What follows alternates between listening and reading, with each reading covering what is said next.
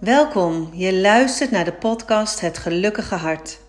Mijn naam is Christa Krommenhoek. Als schrijver en creatieve maker deel ik kwetsbare en authentieke woorden om mensen weer te verbinden met hun hart en ze te bemoedigen in hun persoonlijke kracht. De gouden inslag in het hart van deze podcast, met de vingerafdrukken van mij en mijn vader, verwijst naar de kracht van liefde en het vaak niet zichtbare goud wat de rafelranden van het leven in ons hart achterlaten. There's a crack in everything. That's how the light gets in.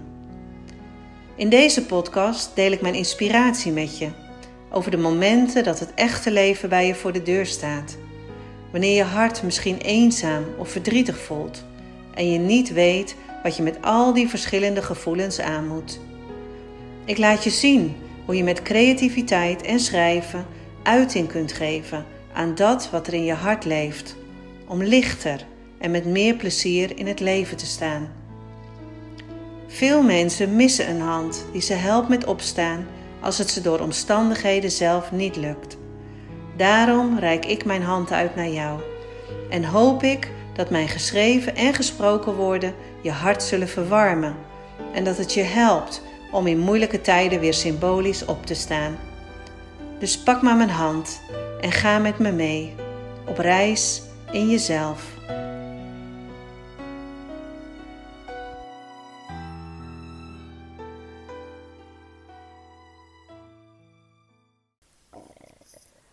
Welkom bij aflevering 2 van mijn uh, podcastserie.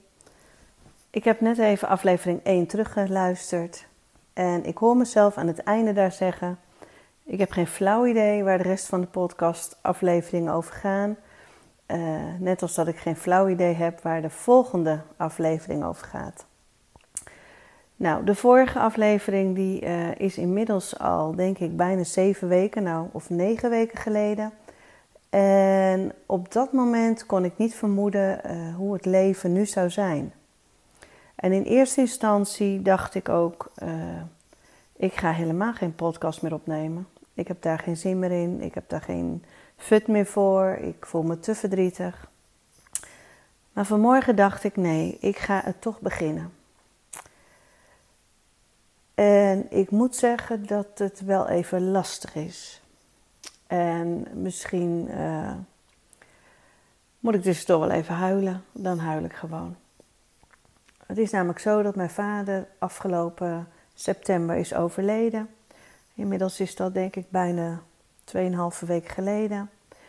En in de vorige podcast rijd ik onderweg naar het ziekenhuis heen en weer. En ja, dat is best lastig. Um, ik reed daar heen en weer, onderweg naar Enschede. En zoals ik in de columns ook heb geschreven, het was net alsof we 31 jaar terug in de tijd waren. 31 jaar terug dat ik gewoon bijna iedere dag heen en weer van Lelystad naar Enschede ging. Eerst naar Zwolle, waar die tien weken op de intensive care lag, en toen een jaar lang naar Enschede, naar het revalidatiecentrum. En nu reed ik weer heen en weer. Af en toe samen met mijn moeder en af en toe alleen. En toch hadden we dezelfde moed en dezelfde hoop. En uh, toch deden we het gewoon weer. En het was eigenlijk ook wel heel bijzonder. En ik dacht altijd dat 2018, dan zou ik 50 worden. Uh, dat dat mijn mooiste jaar zou worden. En 2018 is nog niet voorbij, maar het werd ook eigenlijk wel mijn mooiste jaar. Maar met heel veel andere dingen erin. Dingen die ik niet verwacht had. Het bijzondere is dat ik denk, iedereen maakt dit mee in zijn leven. Iedereen verliest een dierbare en moet daarna weer verder gaan. Maar bij het verliezen ook van een dierbare, zoals bij mij en mijn vader, daar kwamen ook heel veel mooie dingen omhoog. Heel veel mooie momenten, heel veel gouden momenten. En wat dus mijn mooiste jaar moest worden en eigenlijk mijn slechtste jaar ooit werd, was ook gevuld met hele mooie dingen. En dat is ook wel wat ik meegekregen heb van hem. Dat je in tegenslag En in alle dingen die minder goed gaan, dat je dan de mooie dingen nog kan blijven zien. En ik ben ook echt heel dankbaar dat hij mij dat heeft geleerd. Dat hij mij dat heeft laten zien. Dat hij dat doorgegeven heeft in mij. Naast het doorzettingsvermogen wat ik ook van hem heb geërfd. Of is het georven? Nou, wat maakt het uit? Eigenschappen die je van je vader of je moeder hebt meegekregen. Misschien vind je ze soms minder leuk, maar soms zijn het ook hele mooie eigenschappen. En doorzettingsvermogen, opstaande tegenslag, kracht, kansen zien, uh, denk aan een ander, uh, je talent ontwikkelen, kansen pakken, dat is toch wel wat ik van mijn vader geleerd heb. En inmiddels weet ik net als de vorige keer nog steeds niet waar al deze podcastafleveringen over zullen gaan. Waarschijnlijk gaan ze gewoon over het leven. Over wat ik meemaak, maar ook over wat jij meemaakt. En het rare is dat als ik vroeger dacht dat een van mijn ouders zou overlijden, dan dacht ik altijd dat ik nou de hele dag in een verstorting zou liggen. Dat er niks meer uit mijn handen zou komen, dat ik helemaal, ja, kapot zou zijn. En toch is het anders, want ik ben echt helemaal kapot van binnen. En toch gaat de dag gewoon door. Toch ga ik gewoon door. Toch geniet ik ook van dingen. En dat is best wel bijzonder. want je denkt dat je gewoon de hele dag alleen maar aan het huilen zou zijn. En dat is niet zo. En tuurlijk heb je momenten, tuurlijk heb je ochtenden erbij dat het achter elkaar maar blijft komen. Maar er zijn ook momenten tussendoor dat ik echt gewoon in een gesprek zit of buiten loop in de zon en dat ik denk: oh wat heerlijk. Ja, en dat ik het, het lijkt alsof ik het even vergeten ben. Want zoals hij het ook altijd zei, het leven gaat natuurlijk ook gewoon door. Dat zul je ook merken als er in jouw leven iets gebeurt. En je kijkt naar buiten en alle auto's blijven gewoon rijden. De mensen blijven naar hun werk gaan. Ze blijven afspraken maken. Er uh, wordt iets georganiseerd. Er is iemand jarig. Uh, ze gaan op vakantie. Het leven gaat gewoon door. Alleen als er jou iets gebeurt, dan staat jouw leven stil. Echt letterlijk stil. Maar een ander leven gaat door. En dat is logisch. Dat hoeft ook niet anders. Alleen soms kan ik me voorstellen dat dat lastig is. Dat je denkt, ja, maar dit is voor mij zo heftig. En hoe kan het dan zijn dat de wereld gewoon doordraait? Nou goed, het zijn allemaal vragen en issues waar we denk ik allemaal mee te maken hebben. En hoe ga je dan bijvoorbeeld weer opstaan en door? Nou, in ons geval, in mijn geval, we hebben hele heftige weken achter de rug, hele hectische weken, um, maar ook hele mooie momenten. En zoals ze vaak zeggen, bij een overlijden, dan leef je de eerste week in een roes. Er moet zoveel geregeld worden. Er komt zoveel op je af. Uh, en dat hebben we ook ervaren zo, dat is ook zo. En bij ons was het misschien aan de buitenkant nog even nog heftiger, omdat er zoveel media-aandacht voor was. Uh, mijn vader overleed om uh, drie uur in het ziekenhuis. En ik geloof dat mijn broer 30 minuten later of 40 minuten later het eerste appje kreeg van iemand en die zei: Gecondoleerd met je vader. En wij dachten: hoe is dat mogelijk? Maar ik moest nog een kind bellen in Madrid. Ik moest nog mijn man bellen die thuis was. Ik moest mijn vrienden, de vrienden van mijn ouders, nog op de hoogte brengen. Ik moest nog een zin schrijven naar mijn vriendinnen.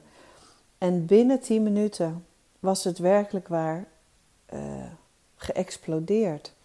Overal op het nieuws. Terwijl ik nog allemaal mensen moest inlichten. Waren er dus ook mensen die het op een andere manier hebben gelezen. Die dus niet meer mijn sms kregen, maar die het in de krant lazen of die het op, op het nieuws zagen.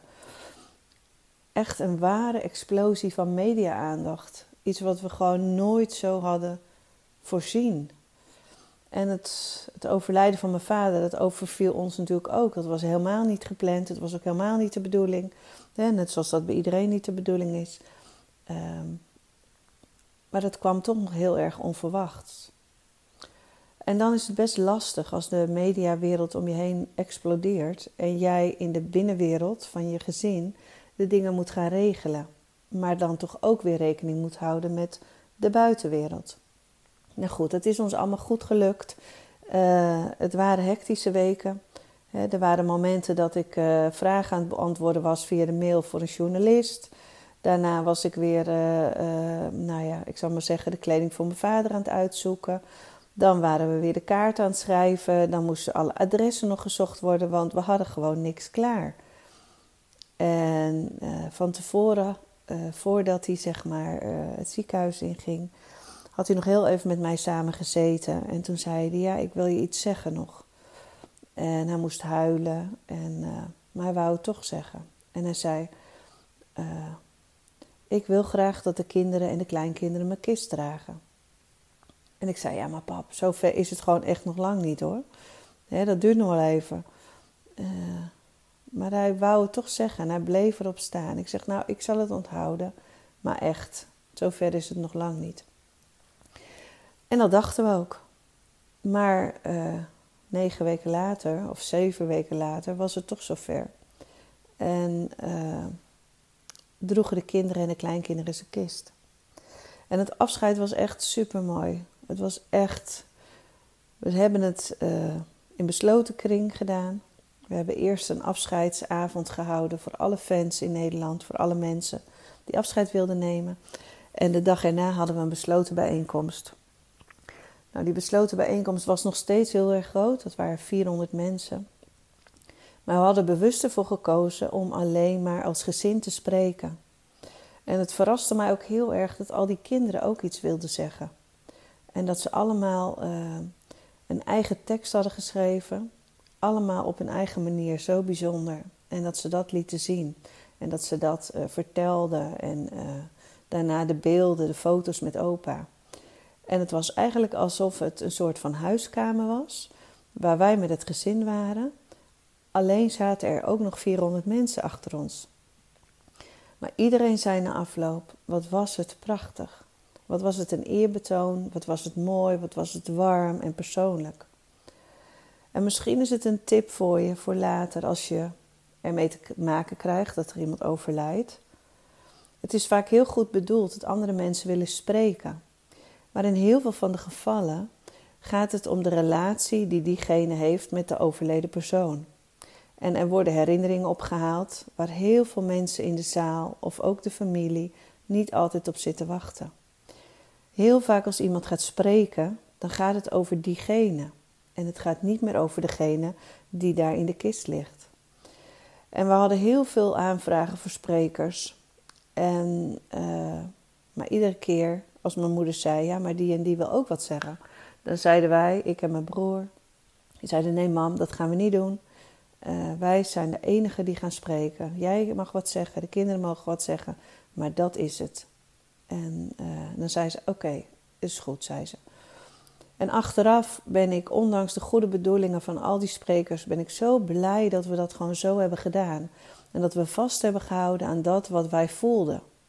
En heel vaak, als je iets wil, of als je denkt, het, ik wil het op die en die manier, dan uh, ga je toch soms overstag. Omdat je denkt, ja, maar het hoort zo. Of ja, maar ik kan diegene toch niet overslaan. En je gaat een stukje verder van jezelf weg. Maar ik heb nu ook weer gemerkt, wij hebben dat niet gedaan. We zijn bij onszelf gebleven. En we hebben gekozen voor alleen het gezin spreken. En ik ben heel blij dat we dat gedaan hebben. Dus wat ik tegen je zou willen zeggen, in welke situatie dan ook, als je echt voelt dat het een bepaalde manier zou moeten zijn, zou moeten gaan, uh, volg dan je gevoel en ga niet afwijken. En wat ik ook eigenlijk in deze hele situatie heb geleerd, ik dacht altijd dat ik heel veel dingen niet zou doen, of dat ik die eng zou vinden, of uh, bijvoorbeeld het aankleden van mijn vader. Nou, dat zou ik echt nooit doen. Weet je, dat, nee, dat vind ik eng. Iemand die overleden is. Maar ik heb echt alles gedaan waarvan ik vroeger gedacht had dat ik het nooit zou doen. Ik heb hem aangekleed. Ik heb hem gezien. Ik heb hem naar uh, de kamer gebracht waar hij echt het crematorium in is gegaan. Ik ben de laatste geweest die op het knopje gedrukt heeft. Ik ben echt werkelijk overal bij geweest, samen met mijn broer. En ik heb zoveel. Ja, hoe zeg je dat? Ik ben zo blij dat ik dat gedaan heb. Want je kunt het namelijk nooit meer overdoen. Als je twijfelt, zal ik gaan spreken. Als je twijfelt, zal ik hem wel mee helpen aankleden. Ik vind het eng. Uh, je hebt maar één kans. Je kan het nooit meer overdoen. Dus denk heel goed na. En ook al heb je het niet gedaan, heb je nu achteraf spijt, dat helpt ook niet meer. Dan is het zo. Maar als je nog een kans hebt, als je nog een keuze hebt en je twijfelt, dan zou ik zeggen doen. Want je kan het nooit meer overdoen.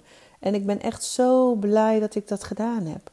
En dat ik zijn sokken aangetrokken heb en zijn benen vast heb gehouden. En uh, de trui heb uitgezocht. En dat ik van alles heb gedaan wat ik vroeger dacht dat ik nooit zou doen. Je hebt maar één kans in dat opzicht. Nou goed, um, de podcast. Ik had niet meer gedacht dat ik een aflevering 2 zou maken. Uh, en toch uh, ga ik hem vandaag maken. En misschien komt hij zelfs ook nog online als ik, uh, als ik de moed heb verzameld. wat ik op dit moment aan het doen ben, als je dat leuk vindt om te weten. Op dit moment ben ik 30 dagen, 31 dagen van Facebook en Instagram af. En ik ben een kruistocht in Spijkerbroek begonnen. En die zou je ook mee kunnen doen. Dat kun je allemaal vinden op mijn website. Um, en daarin laat ik zien wat er in deze 30, 31 dagen gebeurt als je offline gaat. Wat er met mij gebeurt. En komt er soms ook een opdracht. Nou, deze dagen heb ik bewust genomen. Die had ik eigenlijk al gepland voordat mijn vader overleed. En nu heb ik besloten om ze te gebruiken om het boek wat ik wilde schrijven over hem, om dat nu vorm te gaan geven. Maar uh, hoe het precies gaat worden, dat weet ik nog steeds niet. En daar ga ik gewoon heel lekker uh, aan werken deze weken. Uh, niet op social media, minder op mijn telefoon. om gewoon in het echte leven te zijn. Om te werken aan mijn boek. Om de tijd te nemen voor mezelf na deze verdrietige weken. In deze verdrietige weken. Tijd om bij mijn moeder te zijn, om mijn moeder te helpen. En gewoon eventjes een pas op de plaats te maken. En soms is dat wel even heel fijn. Ik ben echt een fan van Instagram en ik uh, vind Facebook ook heel erg leuk op sommige momenten. Um, maar de ruis, uh, als ik mezelf betrap dat ik zou blijven scrollen door tijdlijnen, wat ik bijna niet doe, maar dat ik toch te lang blijf hangen daar, uh, ik vind het zonde van mijn tijd. Dus vandaar dat ik besloten heb om nu eventjes deze 30, 31 dagen gewoon lekker offline te gaan. En te werken aan mijn boek en aan andere dingen. En misschien dat de volgende podcast wel heel ergens anders over gaat. Dat kan natuurlijk. Nou, het is een beetje een uh, bijzondere podcast geworden. Ik weet ook niet precies uh, uh, of de titel de lading wel dekt. Het is van alles een beetje. Hij begon emotioneel en ik eindig met volle moed en uh, dapperheid in mijn hart. Ik ga er iets moois van maken. Uh, mocht je meer willen lezen over mij, mocht je voor het eerst hier zijn, luister dan nog even de eerste podcast. De, de, de Before uh, I Was Ready to Start podcast.